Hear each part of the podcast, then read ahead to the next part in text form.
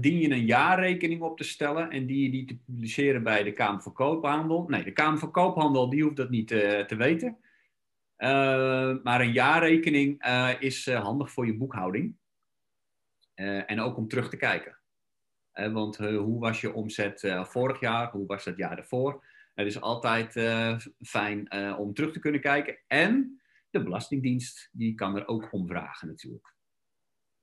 Eh, dus je moet zo en zo al je eh, financiële gegevens, wat ermee te maken heeft, zowel eigenlijk eh, privé als, als zakelijk, maar zeker zakelijk, moet je zeven jaar bewaren.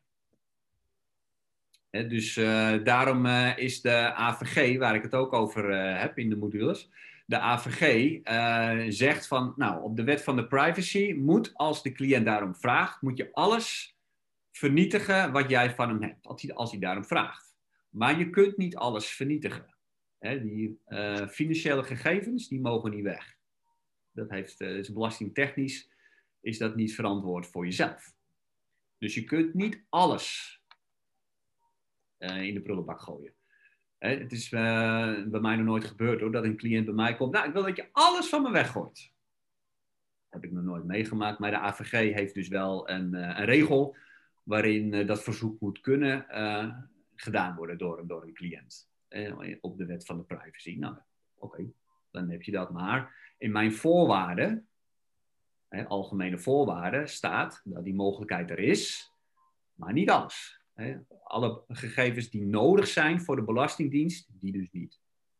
En daar ben ik een beetje vaag in, want wat voor gegevens zijn dat dan? Ja, dat kun je dan vragen, als het moment daar is. Maar het staat een beetje algemeen in mijn algemene voorwaarden van ja, niet alles wordt dan vernietigd. Gegevens die belangrijk zijn voor de Belastingdienst, die, uh, die blijven bewaard.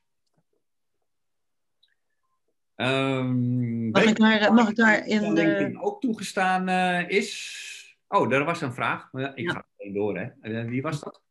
Nou, mag ik wat vragen over je vorige? Graag. Uh, de jaarrekening die, uh, is pas boven een miljoen omzet eigenlijk verplicht. En als je, als je dat niet hebt, en wij hebben natuurlijk een best wel een eenvoudige uh, aangifte, dan kan je ook de aangifte gewoon opvragen bij je boekhouder. Ja. Dan heb je eigenlijk hetzelfde en dat kost niks. Ja. Ja, goeie. Dat is een goede aanvulling. Dus en uh, zijn er hier mensen met een miljoen omzet al? nee, helaas. nee. nee, dus uh, nee, best goede, Ankie, dank je wel daarvoor. Graag gedaan.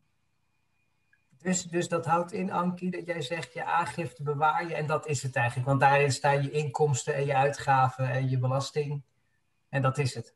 Ja, alleen niet gespecificeerd dan je afschrijvingen van allerlei dingen. Maar dat heb je in een bedrijf wel nodig. Maar wij hebben weinig afschrijvingen natuurlijk dan. Als het alleen over dit, uh, dit gedeelte uh, gaat. Ja. En dan zou je de, de, de, specifieke dingen, zoals een cursus die je extra volgt. Ja, daar, daar hou ik eh, dan een boekje van bij of zo. Dat je dat wel aan kan tonen. Dat je weet de datum en de, prijs die daarop stond. En dan is dat heel makkelijk om bij een controle eigenlijk daarbij te geven.